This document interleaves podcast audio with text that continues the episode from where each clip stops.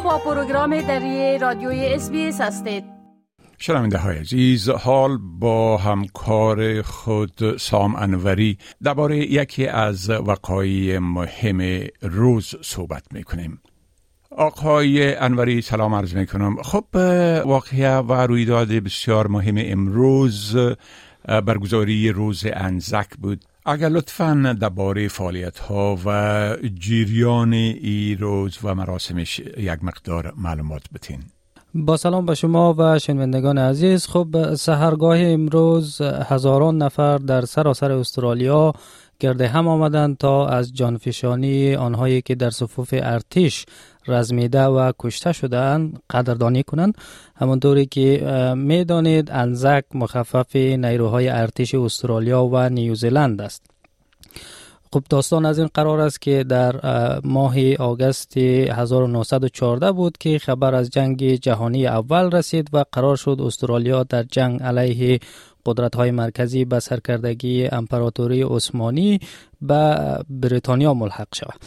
در 25 ماه اپریل سال 1915 انزک ها یا نیروهای ارتش استرالیا و نیوزیلند برای نبرد با نیروهای امپراتوری عثمانی وارد شبه جزیره گالیپولی یا چناق قلعه در شرق ترکیه شدند. در این نبرد که هشت ماه طول کشید بیش از هشت هزار سرباز استرالیایی کشته شدند.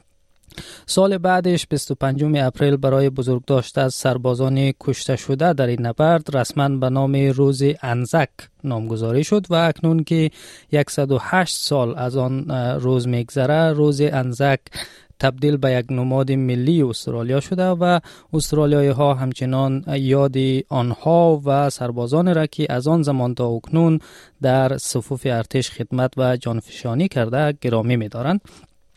امروز هم استرالیایی ها با برگزاری مراسم سهرگاهی و رجه های خیابانی در گوشه و کنار استرالیا یادی تمام زنان و مردان را که در صفوف نیروهای نظامی کشور خدمت کرده و جان دادهاند گرامی داشتند. همچنین امسال بیش از یک هزار نفر برای یادبود از انزک ها به شبه جزیره گالیپولی در ترکیه هم رفتند.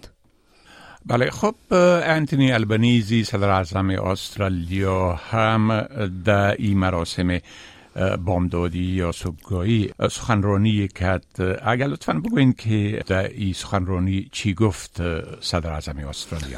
بله لازم است یادآوری کنم که این نخستین مراسم روز انزک بود که انتونی البنیزی در او به عنوان رهبر کشور سخنرانی می‌کرد.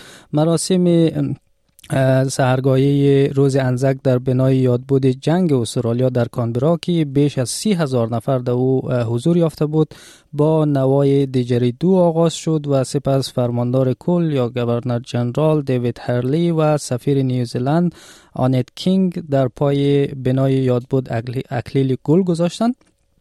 آقای البنیزی در این مراسم روز انزک روز یاد بود روز تعمل و روز سپاسگزاری جمعی از مردان و زنان توصیف کرد که در صفوف نیروهای دفاعی کشور خدمت کرده و همچنان خدمت می کنند نخست وزیر آلبانیزی گفت که 108 سال پس از حرکت قایق های انزک های اول ما آنها و همه کسانی را که راه آنها را ادامه دادن به یاد می آوریم و در مورد همه چیزهایی که به وسیله نسل ها, نسل فداکاری ممکن شده اند تعمل می کنیم او همچنین گفت که گالیپولی تنها یک نبرد در تاریخ استرالیا است اما داستانهای شجاعت و استقامت نبرد و این حقیقت ساده که استرالیایی ها در هر گونه شرایط بد هوای همدیگر را دارند تبدیل به یک چیز بزرگ بزرگتر در قلب جمعی استرالیایی ها شده.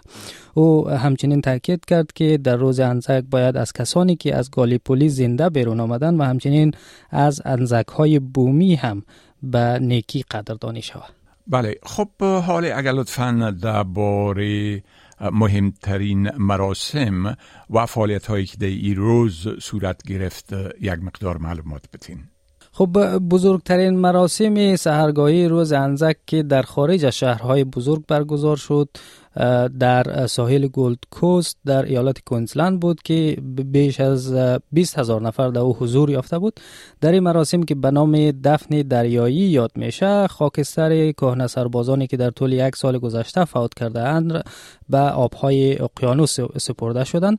اما شرایط طوفانی مانع برگزاری مراسم مطابق برنامه قبلی شد و برگزار کنندگان هم مجبور شدند برای پاشاندن خاکستر در اقیانوس از قایقهای بادی نیروهای نجات غریق استفاده کنند. و همینطور برنامه های باشکوی مختلفی در سیدنی و ملبورن و بقیه شهرهای بزرگ و کوچک در سراسر کشور برگزار شدند از جمله در مقر یادبود ملی جنگ در استرالیای جنوبی 25 نام دیگر به فهرست افتخاری عملیات های پس از جنگ جهانی دوم افزوده شدند. این افراد شامل سربازانی بودند که در نبردهای مسلحانه و تلاش های بشردوستانه مختلف از جمله در افغانستان و عراق سهم گرفته بودند بله خب بسیار تشکر آقای انوری از این معلوماتتان و فعلا شما را به خدا می سپارم و روز خوش برتان آرزو می کنم تشکر از شما وقت خوش